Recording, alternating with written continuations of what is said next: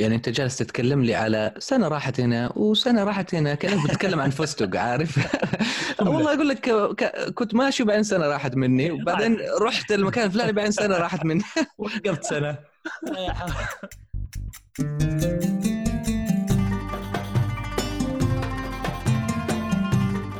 أهلا. أنا عمر اليماني أستاذ مساعد في طب الألم والتخدير وهذا هو الموسم الأول من بودكاست نافذة. نافذة بسيطة عفوية واجتماعية لتقريب المسافة بين الوسط الطبي والمجتمع عامة. كل ضيف من عالم الطب يفتح لنا نافذة على موقف أو جزء من حياته. وإذا أعجبتكم الحلقة انشروها وسجلوا في البودكاست عشان تجيكم الحلقات الجاية أول بأول.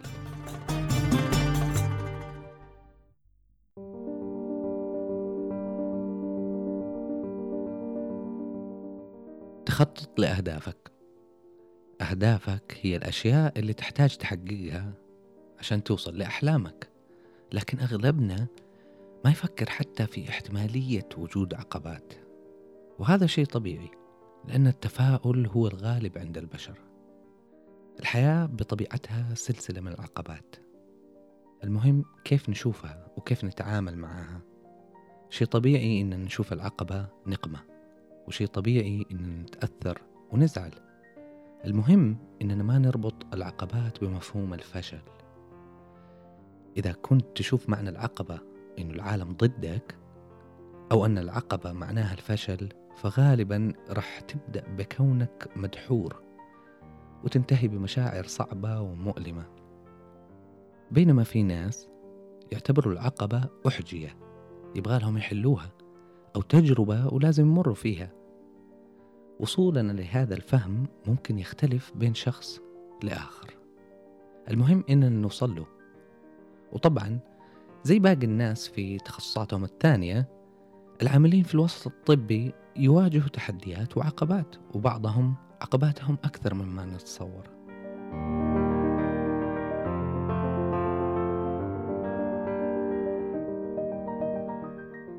اليوم معي الدكتور ناصر الجهني. ناصر من الرياض تخرج من جامعة الملك سعود كلية الطب 2008 والتحق ببرنامج زمالة الجودة وسلامة المرضى في كلية بيلور للطب في هيوستن 2012-2013 ثم التحق ببرنامج طب الأسرة في جامعة تكساس من 2014 إلى 2017 وكان رئيس الأطباء المقيمين خلال آخر سنة. وبعدها التحق ببرنامج المعلوماتية الإكلينيكية من 2017 إلى 2019 هو الآن ما زال في هذه الزمالة وراح يخلصها قريب بإذن الله. ناصر إنسان ما عنده يمين ولا يسار. واحد دغري واضح قوي الشخصية. بألطف ما يمكن للشخصية أن تكون قوية. حقاني متزن ويعرف من أين تؤكل الكتف. يفتح لنا اليوم ناصر نافذة إلى أهم العقبات اللي واجهته في مشوار تخصصه في الطب. نبدأ. بسم الله. نقطة سريعة قبل الحلقة. الحلقة طويلة لذلك قسمتها إلى جزئين بس أوعدكم ما راح يتأخر الجزء الثاني إن شاء الله. نبدأ. حي الله ناصر. الله يبقيك حبيبي عمر. يا هلا والله. إيش أخبارك؟ الله يخليك. خير. يا هلا والله. طيب ناصر نخش في الموضوع على طول. متى وكيف عرفت إنك تبغى تخصص طب الاسره؟ طال عمرك صراحة أنا خليني أقول لك اول يوم دخلت يوم دخلت كلية الطب كنت شايف نفسي إني إني إني الطبيب أبغى اساعد اكبر كميه من الناس هذا أول ما دخلت كلية الطب أكبر عدد من الناس يعني. أكبر عدد من الناس نعم هذا هذا كان يعني كنت ألقى نفسي في المجال هذا ودي اساعد اكبر كميه من الناس ما أبغى يعني أكون مختص بشيء واحد فقط وبعدين يعني لو بيسألني أحد خارج هذا المجال إني أصير ما أقدر أساعده وبالتالي يصير الناس اللي أقدر أساعدهم محدودين. آه وش لاحظت يعني كل كل دورة وكل تخصص نروح ألقى المريض جاي يعني كنت أحس المريض مثلا متبهدل. لما ناخذ من المريض التاريخ ونعالج المريض وكذا أحس يا أخي في أشياء كان ممكن إنه تمنع على أساس أصلا المريض ما يوصل المستشفى. آه يعني لو المريض كان عنده طبيب يقدر يروح له بسرعة ويهتم له بالمشاكل الصحية حقته بوجه عام كان ممكن المريض ما وصل للمستشفى بعدين لما يجي يطلع مريض المستشفى يطلع كذا المريض. يعني عنده أدوية جديدة وعنده آه، مواعيد مع كذا تخصص و... فما في أحد. فيتوه. يتوه بالضبط بالضبط. هذه الكلمة صحيحه أحس المريض كان تايه تماما ضايع. يعني امم حسيت إنه هذه هذه هذه آه هي اللي مسببة كثير مشاكل اللي أصلا المريض جاي فيها المستشفى ف واحدة من الدورات وأنا هذه الفكرة براسي كل الوقت. فيوم جينا دورة طب الأسرة بدينا نحضر العيادة مره مرة حبيت التخصص. حسيت إنه هذا المكان اللي أنا أبغى أكون فيه. آه، لا من فكرتي عن كيف أبغى أمارس الطب ولا عن وين الفجوة الموجودة عندنا في الرعاية الصحية اللي أنا أقدر اعبيها. فبالتالي بالتالي هذا هذا اللي خلاني آه، آه، خلى التخصص يعجبني ومنها خاص قلت ذات ست خاص هذا هو هذا التخصص اللي أنا أبغاه. آه، وأنا بقول لك أنا ترى جاي من أسرة يعني أنا الوالد الله يرحمه كم زوج الله ويرحمه أيوه ما شاء الله. عش- عنده 20 ولد وبنت. ما شاء الله تبارك الله ما شاء الله. وأجدادي من الطرفين وخوالي. أعداد كبيرة جدا يعني. ما شاء الله. فما عندنا طبيب في العائلة. فكان كل الوقت يعني أنا تعرف عايش في, أسرة ضخمة ضخمة. ما شاء كل الله الوقت أشوف إنه في حاجة إنه يكون في طبيب عائلة يهتم بال... بال- بالأسرة. جميل. طبيب يعني عام يقدرون يروحون له بأي وقت يسالون أي سؤال يقدرون يستشيرون ويقدر يقدر على الأقل إنه إيش يوجههم.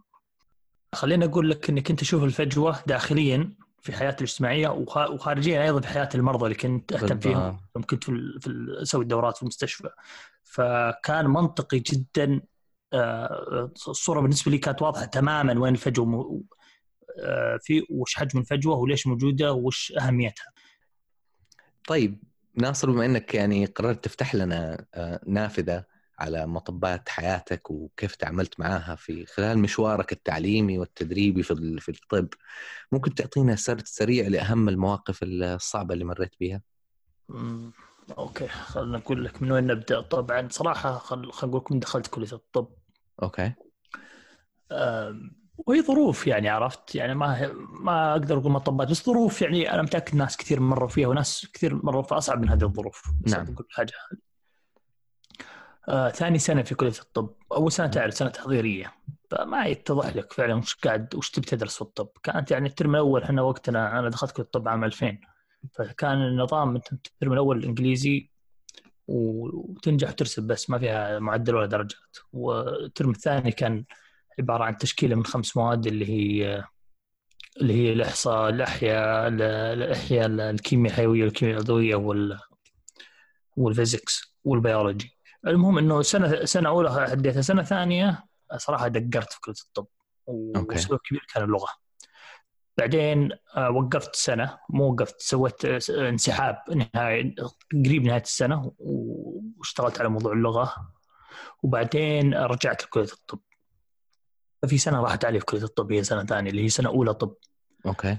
آه بعدين تخرجت من كلية الطب آه بديت آه برنامج الاقامه في مستشفى الحرس الوطني في الرياض في طب الأسرة. Okay. بعدين قبل لا أخلص السنة رحت طلعت ورحت لأمريكا. فهنا كان. نقلة برضو نوعية نعم. Okay. نعم. فتقدر تقول سنة راحت علي أكيد يعني. Okay.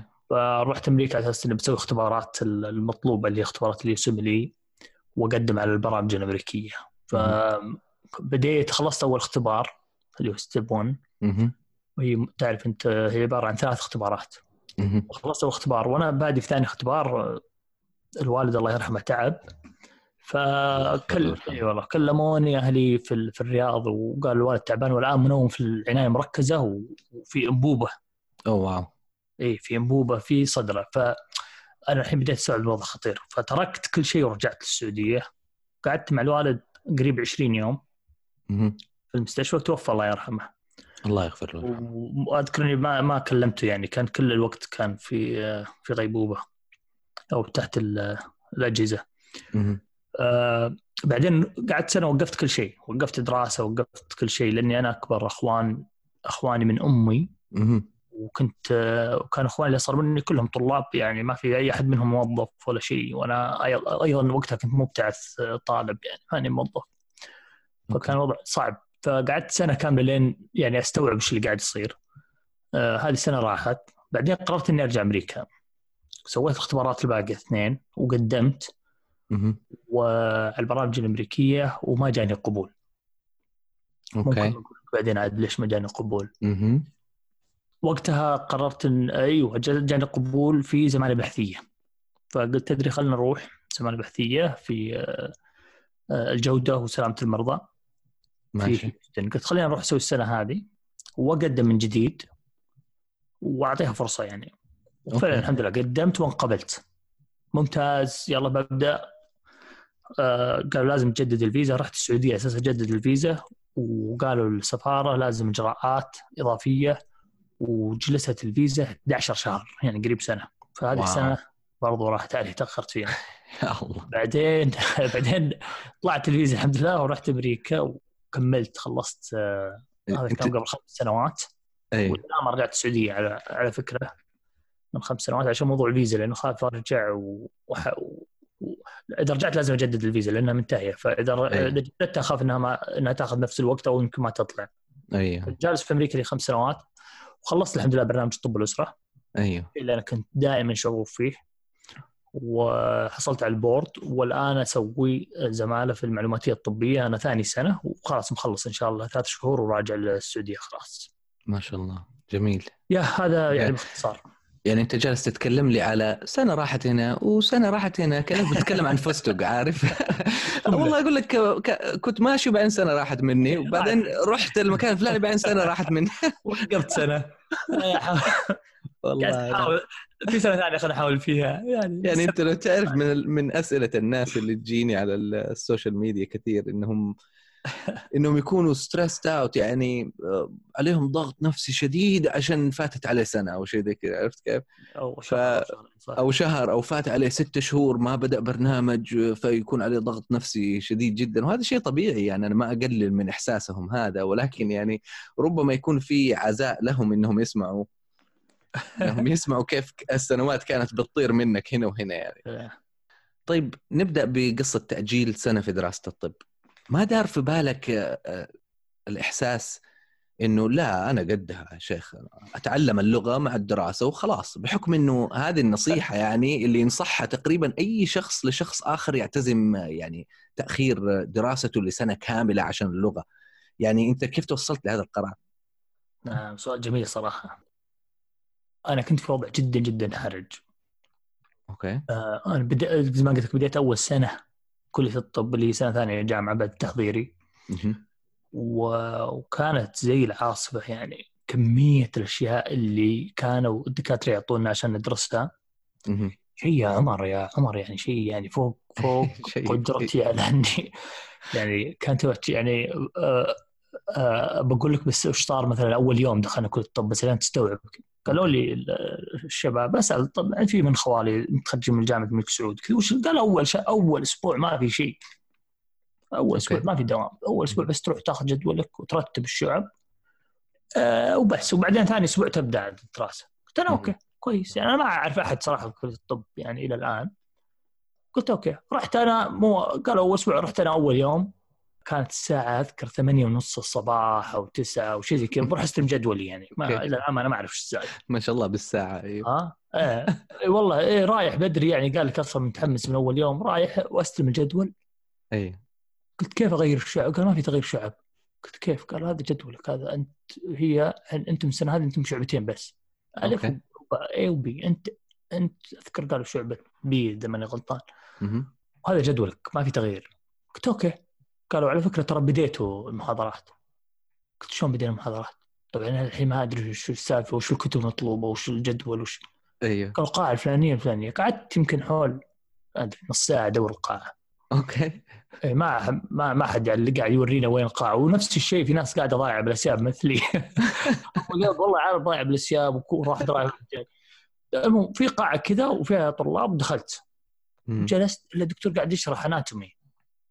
قاعد يشرح ماده التشريح على طول. داخل إيوه ما وفي ناس ماشي ألف ها؟ إيه في ناس جالسه تكتب نوتات.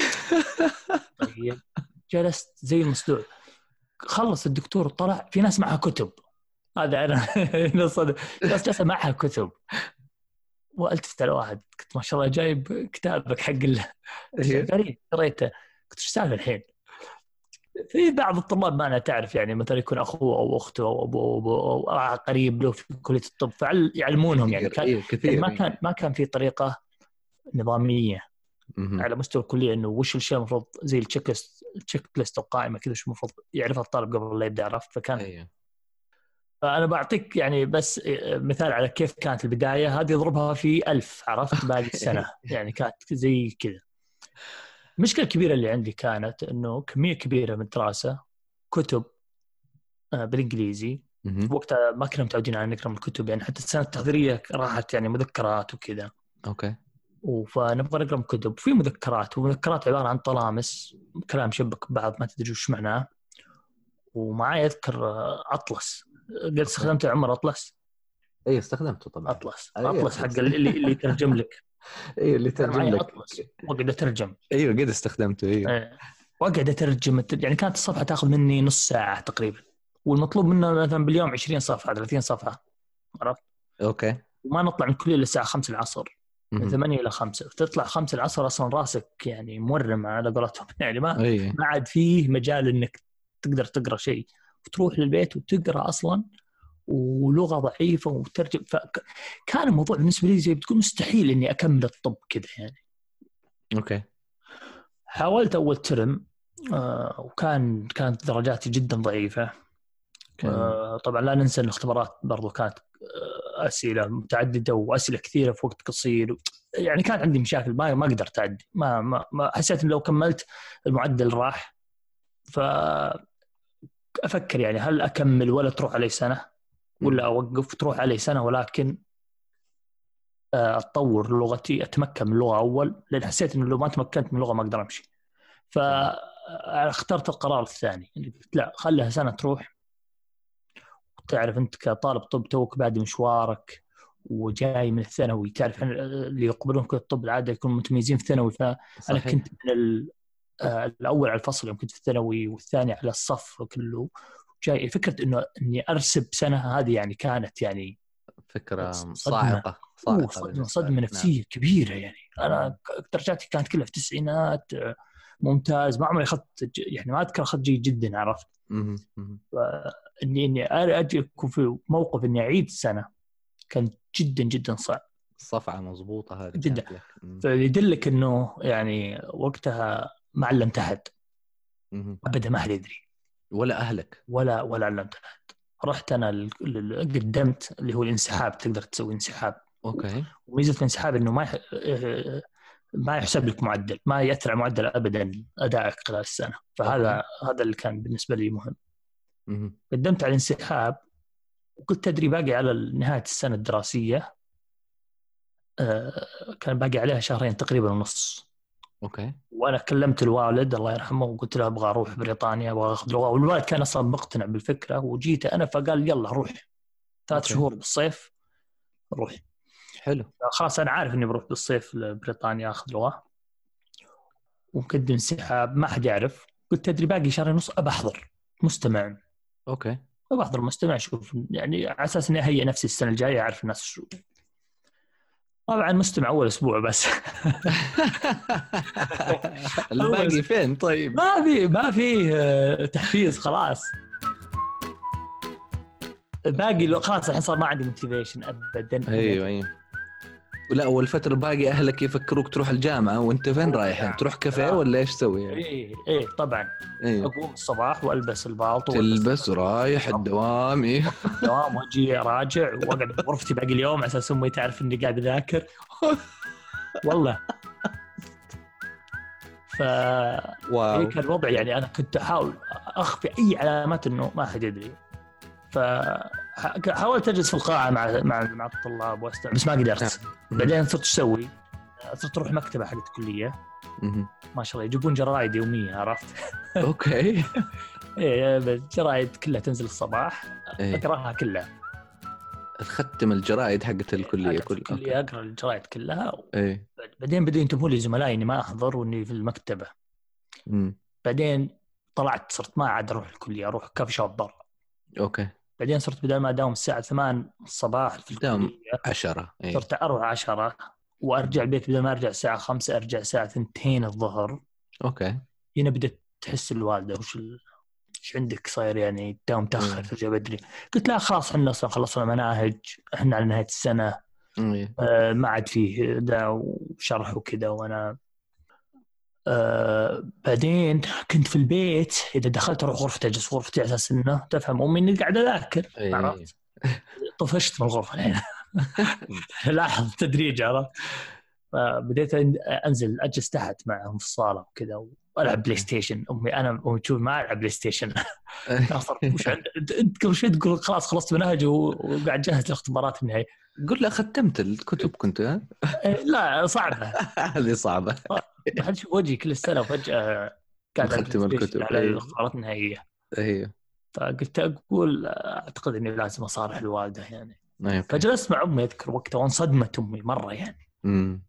بس آه، جتني ثاني يوم وقالت لي إنها كيف كانت متفهمة يعني و... الله وإنه يعني عادي وإنه أهم شيء يعني يا أهم شيء إنك عرفت وش المشكلة اللي تواجه قلت لها قلت أنا. لغتي ضعيفة مرة يعني أنا يما أنا قلت يما أنا أقدر أدخل القاعة أروح الكلية من أدخل القاعة لين أطلع ما أفهم ولا 10% من اللي قاعد يقول الدكتور.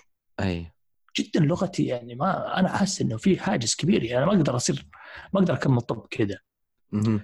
بس الوالد الله يرحمه ما كان يدري. إلى إلى ما توفى الله يرحمه. الله يغفر له ويرحمه. الله يرحمه. لأني ما كانت صعبة علي إني أقول للوالد. أيوه أيوه. يا فحاولت إني ف وبس فالموضوع إنه رحت اول بداية الصيف أول يوم في الإجازة مباشرة ركبت الطيارة رحت بريطانيا. كانت نقلة نوعية بالنسبة لي يعني في في اللغة كنت شاد حيلي مرة. okay. واشتغلت على اللغة ثلاث شهور. يعني أعطتني مستوى كويس إني أبدأ. مهم. عرفت؟ ورجعت وكنت مرة متحمس. لغتي الآن أفضل. ممتاز. وابغى أعوض. وفي حاجة أبغى أقولها لك عمر. okay. يعني ما أدري إذا أنت يعني وقتها يعني كنت تحس بالشيء هذا ولا ما أو بعض الناس يمكن فيه. أنا أذكر سنة سنة أولى طب يوم. حاولت أبحث عن أصدقاء ما عرفت لأن ما أعرف أحد في الكلية يعني بعض بعض الطلاب اللي جونا بالكلية. كانوا متخرجين من مدارس ثانوية آه، ما شاء الله الفصل كله جاي كلية الطب أيوه أيوه يعني الفصل فيه 20 طالب أذكر واحد من الشباب 18 من ال 20 كلهم داخلين كلية الطب كلهم. معنا بالقاعة فيعرفوا بعض. و- إيه. اي يعني في ناس داخلين عندهم يعني أصدقاء وعلاقات إيه. وأنا إيه. كنت ما أعرف أحد فجيت كان عندي صعوبة شديدة إني ألقى آه، أصدقاء أو أكون صداقة أول سنة okay. الشباب كانوا موجودين كلهم راعين بس أنا ما قدرت يعني ما يعني حاول تعرفت على ناس يمين تعرفت على ناس يسار ما ما كان في chemistry ما كان في يعني. توائم بيني وبين مجموعة وبين ناس أو فكان عندي صعوبة إني أكون أصدقاء. يعني أصدقاء قصدي داخل الكلية وخارج الكلية يعني ناس يعني يعني معك يعني عرفت. وهذا صراحة أنا أشوف إنه مرة مهم جدا جدا. okay. السنة اللي عدتها لما جيت لما جيت عدت السنة درست مع الناس اللي الدفعة اللي بعدي صح؟ مزبوط آه هذا الشيء ما كان عندي مشكلة بالعكس يعني كونت صداقات مع ناس رائعين جدا ويعني و... وأحس إنه هذا كان جدا مهم إني أبدأ مرحلة جديدة وأتجاوز فكرة إنه راحت علي سنة كيف ينظرون لي زملائي اللي بالدفعة اللي قبلي إلى آخره عرفت يعني خاصة لما تكون عندك أصدقاء وعلاقات كويسة داخل الكليه وخارج الكليه ناس يعني تحس social support. الدعم الدعم ال- نعم. ال- المجتمعي يعني نعم، الدعم نعم. إيه. بس هذه قصتي آه، في أول سنة في كلية الطب تقدر تقول بداية كانت صعبة جدا صراحة. وكنت أفكر يعني أقول يعني أنا لو ما مشيت لأن عدت سنة خلاص لو ما مشيت أنا بطلع من كلية الطب اي يعني أنا معطيها فرصة ثانية فقط معطيها فرصة ثانية ولكن آه، عفوا نعم. عدلت ال- عدلت الخلل اللي كان عندك وبتعطيها فرصة ثانية الآن اي بالضبط يعني مشكلة اللغة ومشكلة الأصدقاء مهم. يعني هذه أنا أحس إنها أختفت سنة ثانية وف- وفعلا كان أدائي سنة ثانية يعني لما عدت السنة كان أدائي جدا كويس أوكي. ممتاز ممتاز. طب يعني لما أتوقع إنه يكون الجواب نعم لهذا السؤال لكن لما ناصر ينظر إلى ال- لذلك القرار يعني آه، هل يعتقد إنه كان قرار جيد إنه يتأخر عشان اللغة؟ سنة؟ جدا جدا. جدا. ولا ولا ندمت عليه لحظة واحدة. لأنه أنا يعني يجيني هذا السؤال كثير وصعب صعب إجابته جدا. أنت لما توافق الشخص على إنه يوقف سنة ما أعرف أنا إيش إيش العوامل الأخرى التي تدور حوله. ف فيعني حابب إني إنك أنت تنبه ناصر مثلا إنه ما يكون قرارك اللي أنت اتخذته هو دافع لاشخاص آخرين. ربما ما عندهم نفس الضعف في اللغة أو خلينا نقول ضعفهم في اللغة أقل من ضعفك في اللغة في في تلك الفترة. وربما هناك طرق أخرى لتحسين اللغة من غير تأخير سنة منها مثلا كورسات الصيف وهذه الأشياء وإنهم يشتغلوا على نفسهم خلال فترة الدراسة بإنهم يحسنوا الإنجليزي. فهل أنت تعمم هذه النصيحة أم تخصها؟ وكيف تخصها؟ سؤال ممتاز صراحة. شوف هو أنا بقول لك إنه طبعا راح أخص النصيحة هذه. هو هو شوف المفروض إنك لما تكون تدرس الطب المفروض إنك تدرس مرتاح يعني تدري تحس إنك متمكن من الشيء اللي قاعد تسويه. مو المفروض يكون صعب مرة مرة مرة ولا المفروض يكون سهل مرة مرة مرة إذا كان صعب. مرة مرة مرة يعني ما راح تقدر ما راح تقدر تتمكن منه وراح يسبب لك إحباط مستمر إذا كان سهل مرة مرة راح تحس بملل فأنا أقول مهما كانت أسباب الشخص في الكلية إنه يحس إنه مو قادر. يتمكن مو شرط ترى تكون أنت من المتميزين من الأوائل. في بعضهم اللي يقول لا لازم أكون الأول ومن العشرة أوائل ولا يكون معدلي ممتاز ولا جيد جدا. مو شرط يعني. أهم شيء إنك أنت تحس إنك متمكن تحس إنك مرتاح تحس إنك قاعد تنجز تحس إنك ما عندك عراقيل. آه، ايا كانت اسبابك بعض الناس يقول لك أنا أقدر إني بس أروح الصيف بدون ما أتأخر سنة. ممتاز. إذا تقدر تسوي كذا كويس. إذا تقدر إنك تدرس أنا أشوف تدرس إنجليزي وفي نفس الوقت تدرس طب خلال السنة الدراسية أنا أحس إنه يمكن صعب. صعب صعب. أصلا ما عندك وقت. بس الصيف فرصة ممتازة جدا. ثلاث شهور حلوة. الشيء المهم إنه كيف تدرس إنجليزي؟ يعني المعاهد المحلية كويسة. أنا أشوف المستويات الأولية أنها تعطيك إيش؟ في المستويات الأولية تعطيك أساسيات اللغة الإنجليزية.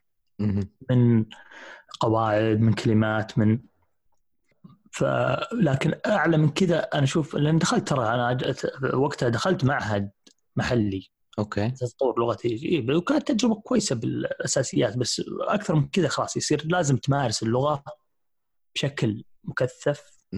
مع ناس لغتهم مرة كويسة ولغتهم لهم ف اللي بقوله إنه معاهد للأساسيات كويسة. بعد كذا أنا أفضل انه الواحد لو يقدر ماديا إنه يطلع البلد متحدث باللغة الإنجليزية أمريكا كندا بريطانيا أستراليا. خطوة جدا ممتازة.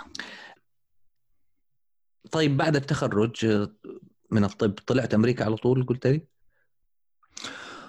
أيوه بعد التخرج طال عمرك بعد التخرج كنت في برنامج الحرس. اي دخلت برنامج الحرس قلت نعم دخلت برنامج حرس كانت تجربة رائعة. أوكي. آه، وكان عندي آه، كان عندي هدف إني إني أبغى أروح أمريكا في أهداف شخصية صراحة.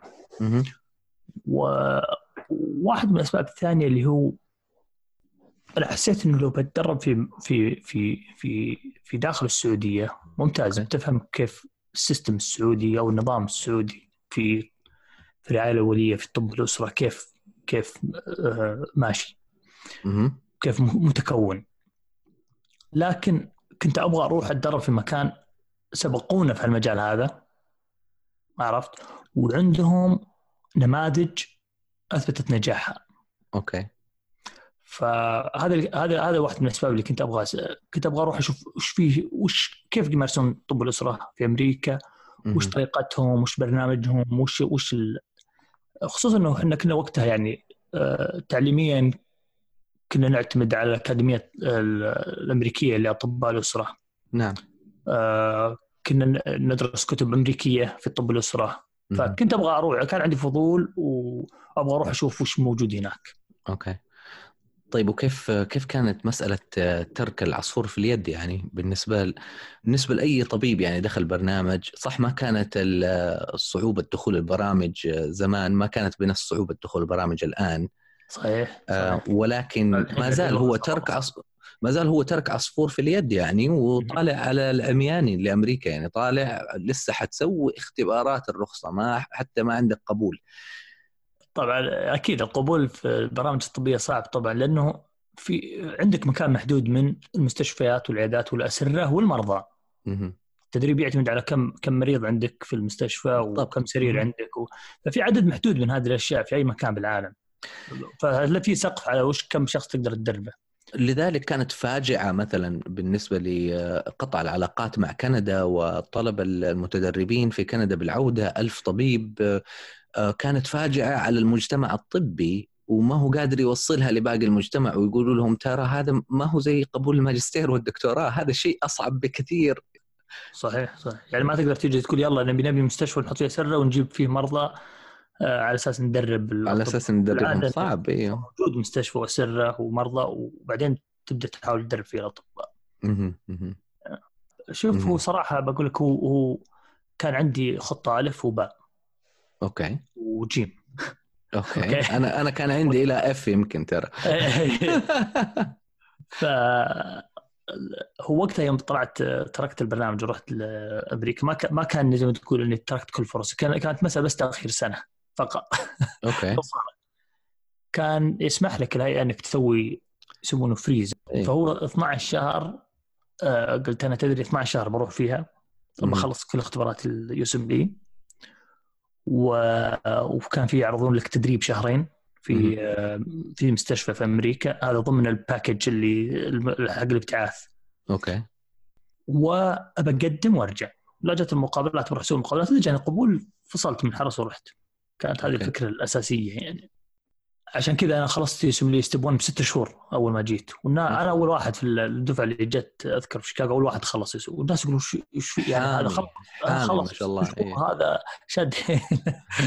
وما يدرون اني أنا عندي يعني عكس اللي كانوا أغلب اللي كانوا معنا يعني. مهم. ما أتوقع يعني كان في ناس كثير زي كذا مسوين فريز ولازم يرجع كانوا يا معيدين يا جاي على آه، برنامج ابتعاث.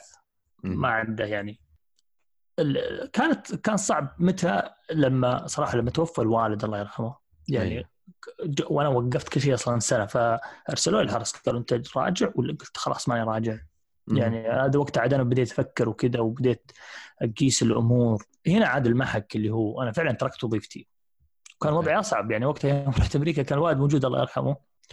حتى. كنت في أمريكا أول ما رحت يعني ماديا كان الوضع شوي صعب لأن تعرف يعني في الحرس أذكر كانوا يعطوني راتب 17700 ريال.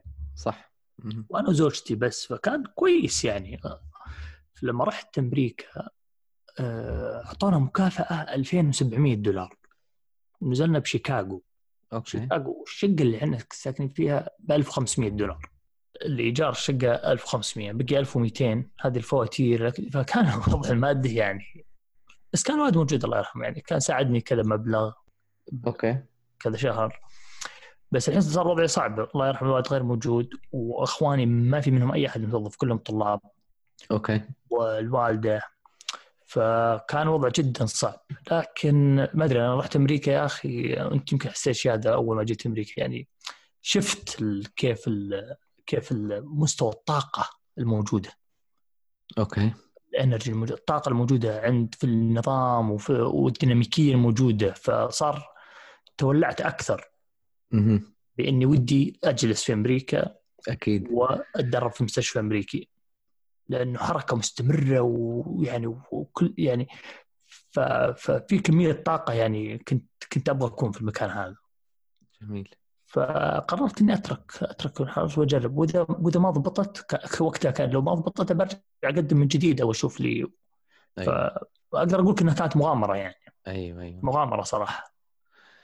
طيب رجعت بعدها بعد ما سويت آه، أصعب امتحان في العالم اللي هو step 1 وهو فعلا أصعب امتحان في العالم ترى. رجعت عشان الوالد توفى وضاعت سنة هنا وبعدين طلعت أمريكا مرة ثانية وكملت آه، امتحانات المعادلة الأمريكية الباقية. وقدمت على برنامج التدريب لطب الأسرة. وش صار؟ أيوه أنا أقول لك وش صار طال عمرك. هو أنا قدمت توفى الوالد تحديدا في يناير 2010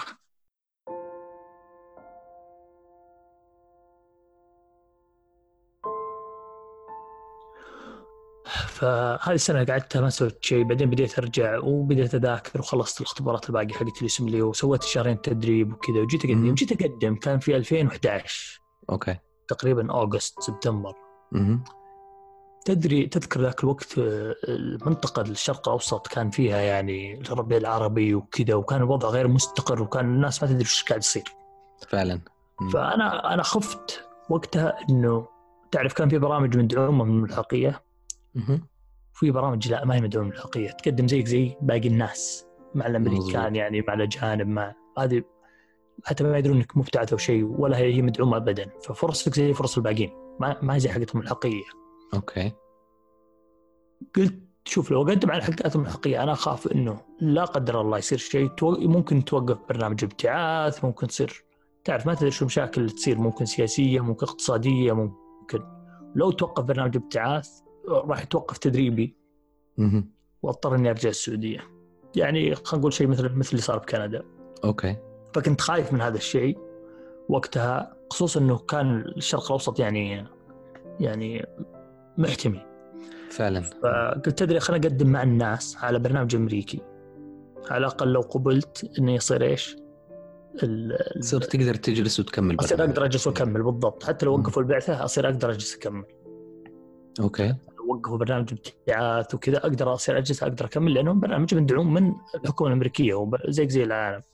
بالضبط. فقدمت وجاني جاني خمس مقابلات. يعني ما قدمت على البرامج اللي مع الملحقيه بالضبط. بتاتا بالضبط. بالضبط. أوه. ما قدمت على برامج ملحقيه نهائيا. أوه. نعم هذا هذا الغلط اللي أنا اللي أنا استوعبته بعدين. أوكي. مم. قستها أنا وقلت فرصي يعني كويسه خليني أقدم مع ال... وكان في ناس ينقبلون من برامج غير حقتهم الحقيقية. فعلا صحيح. ولكن. كانت كانت. مخاطرة. أيوه. فيها مخاطرة أنا قلت أيوة. الأسرة يعني ما هو زي تخصصات الجراحية يعني فرصه يمكن أسهل شوي وكذا. فقدمت جتني خمس مقابلات. مهم. وأذكر ثنتين من المقابلات كانت يعني ممتازة جدا. كان فيها وعود من مدير البرنامج إنه والله أنت عجبتنا وكذا. أيوه. بس تعرف تكتشف بعدين إنه هذا أصلا يقولون الكلام هذا للجميع يعني. بالضبط. إيه. كنت بدي أقول لك دوب كلمة جاء قال أنت أحسن واحد. انت رقم أيوة. واحد. لأنهم بيحاولوا يسوقوا البرنامج حقهم أيضا. إيه. فلما قدمت شو اسمه لا إله إلا الله و- وما جاني قبول. تعرف يمكن بعض المستمعين ما يعرف النظام الأمريكي اللي هو الماتش. يعني. ت- تقدم في سبتمبر. خل بس اشرح بسرعة كذا. أنت تقدم في سبتمبر. أوكي. من سبتمبر إلى يناير. صحيح. يعني هذه أربع خمس شهور تقريبا مقابلات. مهم. في فبراير تحط إيش؟ ال rank list. القائمة حقتك. القائمة حقتك. حقت أنت وش المستشفيات اللي تبغاها وبالترتيب. وأيضا المستشفيات تسوي نفس الشيء. تحط منهم المتقدمين اللي يبغوهم وبالترتيب. وفي شهر نص شهر ثلاثة March تطلع نتائج واللي واللي يسوي عملية المطابقة والماتش. نظام كمبيوتر فيه الجوريثم هو اللي يسوي العملية بالكامل. فما في تدخل يعني. إنساني. يعني يعتمد أنت وين حاط البرنامج باللسته حقتك وين هم حاطينك في اللسته حقتهم. هذه تلعب دور كبير في أنت هل تقبل عندهم ولا لا. هذا باختصار يعني. أي. فما قبلت جاء شهر ثلاثة ما قبلت. ورحت بعدها لل للزمالة البحثية. نعم. وقتها كانت فيه واحدة من الزميلات مبتعثة في في بيلر في كلية بيلر في هيوستن. وكانت معنا في شيكاغو وعرفت إني ما قبلت. وعلى طول دقت علي قالت شوف إحنا عندنا فرصة وأنا فكرت فيك احسن تناسبك آه، زمالة بحثية في ال quality improvement وال patient safety اللي هي الجودة وسلامة المرضى سلام وأنا وقتها كنت كان في بالي الشيء هذا كنت أبغى أسويه قلت بعد ما أخلص من آه،. التدريب ليش؟ لأنه الوالد يوم توفى أنا كنت مع الوالد آه، 20 يوم بالضبط أي. 21 يوم في المستشفى في العناية. المركزة فكنت أشوف يعني أخطاء طبية وأشياء وكذا ويعني وكنت مرة منزعج وكنت يعني. نفسيا متأثر يعني عرفت ف... فكنت أبغى أتعلم الشيء هذا. سلامة المرضى والجودة وكيف تقدم رعاية طبية سليمة وبجوده عالية لأني شفت كيف أشياء كان ممكن تمنع. نعم. وحدثت لأبوي الله يرحمه وكنت مرة متزعج فقلت لازم أفهم الشيء هذا واعرف لأنه حسيت إنه مهما تعلمت في الطب إذا ما تقدم يعني أنت تتعلم في الطب تعرف وش أنواع الأدوية وش الدواء اللي يصلح وش الدواء اللي ما يصلح وش ال... كيف تشخص بس إذا في النهاية إذا إذا تقديم الرعاية الصحية هذا اللي هو اللي بينك وبين المريض مباشرة إذا إذا ما فيه سلامة ما- للمرضى بالضبط إذا ما قدم بطريقة سليمة وبجوده عالية أنت ضيعت تعبك عرفت يعني أنت أنت معقوله تدرس وتتعب كذا وأخرتها آه،. ما عندك system يسمح لك مو شرط إنك أنت تكون خبير في الجودة وسلامه المرضى لكن لازم يكون في نظام يسمح لك إنك تقدم الرعاية هذه بطريقة سليمة بجودة عالية. فكلمتني آه، قالت لي في فرصة كذا كذا مع مين؟ مع ال vice senior vice president في كلية بيلر. أوه. في هيوستن. إي فالرجل منصب يعني نائب ال- ال- الرئيس. يجي وي. بشت للدوام ها؟ أيوه. فنائب الرئيس وي. في كلية كويسة وبرنامج أنا أبغاه فمرة تحمست. قبل كلمت الرجال على التليفون سوى لي مقابلة على التليفون. أيوه قبلني وبديت معهم في واحد آه، سبعة. وبعدها بشهرين بدأت تقديمات من جديد وقدمت من جديد. هذه ثاني مرة أقدم وك- وكان عندي نفس الفكرة أنه لو ما انقبلت خلاص أنا راجع. برجع. يعني ما خلاص هذه زمان سويتها كويسة برجع وأقدم على البرامج السعودية أو أشوف آه، كندا وأشوف مكان ثاني. يعني خلاص أمريكا بالنسبة لي حاولت مرتين خلاص ما عاد ما عاد أبغى أحاول أكثر من كذا. أوكي. آه، لأنه هذا يجيب لنا موضوع مهم ودي أتكلم عنه يا عمر. اللي هو تعرف لما يقول لك أوه آه، الفشل أنت تتعلم من الفشل أو تتعلم من التجارب الفاشلة أو أيوه. لازم يكون عندك إصرار عزيمة لازم تحاول تحاول أيوه. توصل. أوكي هذا كله حلو جميل. أيوه. لكن لازم تحط لنفسك سقف. أو أحسنت. أو تحط لنفسك حاجة شرط. أوكي أنا بحاول وأسوي كل اللي علي ولكن إذا لي مثلا محاولتين أو ثلاث محاولات أو إذا. صار شيء هذا أو أو إذا ما صار الشيء هذا. يعني تحط. لنفسك سقف وحد إنه متى تبدأ متى تنسحب من الشيء هذا. أوكي.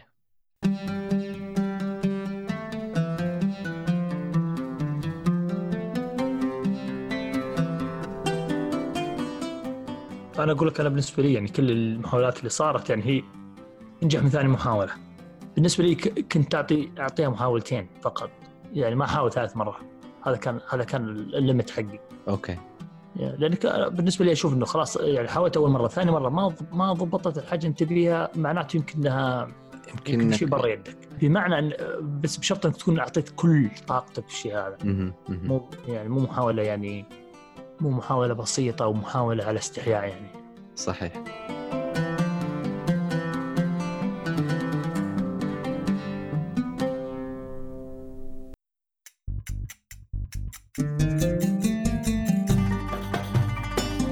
أخيرا أعزائي المستمعين أعتذر منكم على التأخير في رفع هذه الحلقة.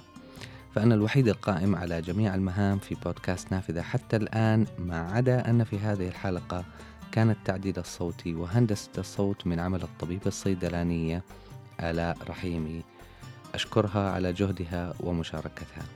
إذا أعجبتكم هذه الحلقة أو أي من الحلقات الأخرى شاركوها مع أصدقائكم. وإذا ما يسمعوا بودكاست علموهم على الطريقة. شكرا لكم ونراكم في الجزء الثاني إن شاء الله.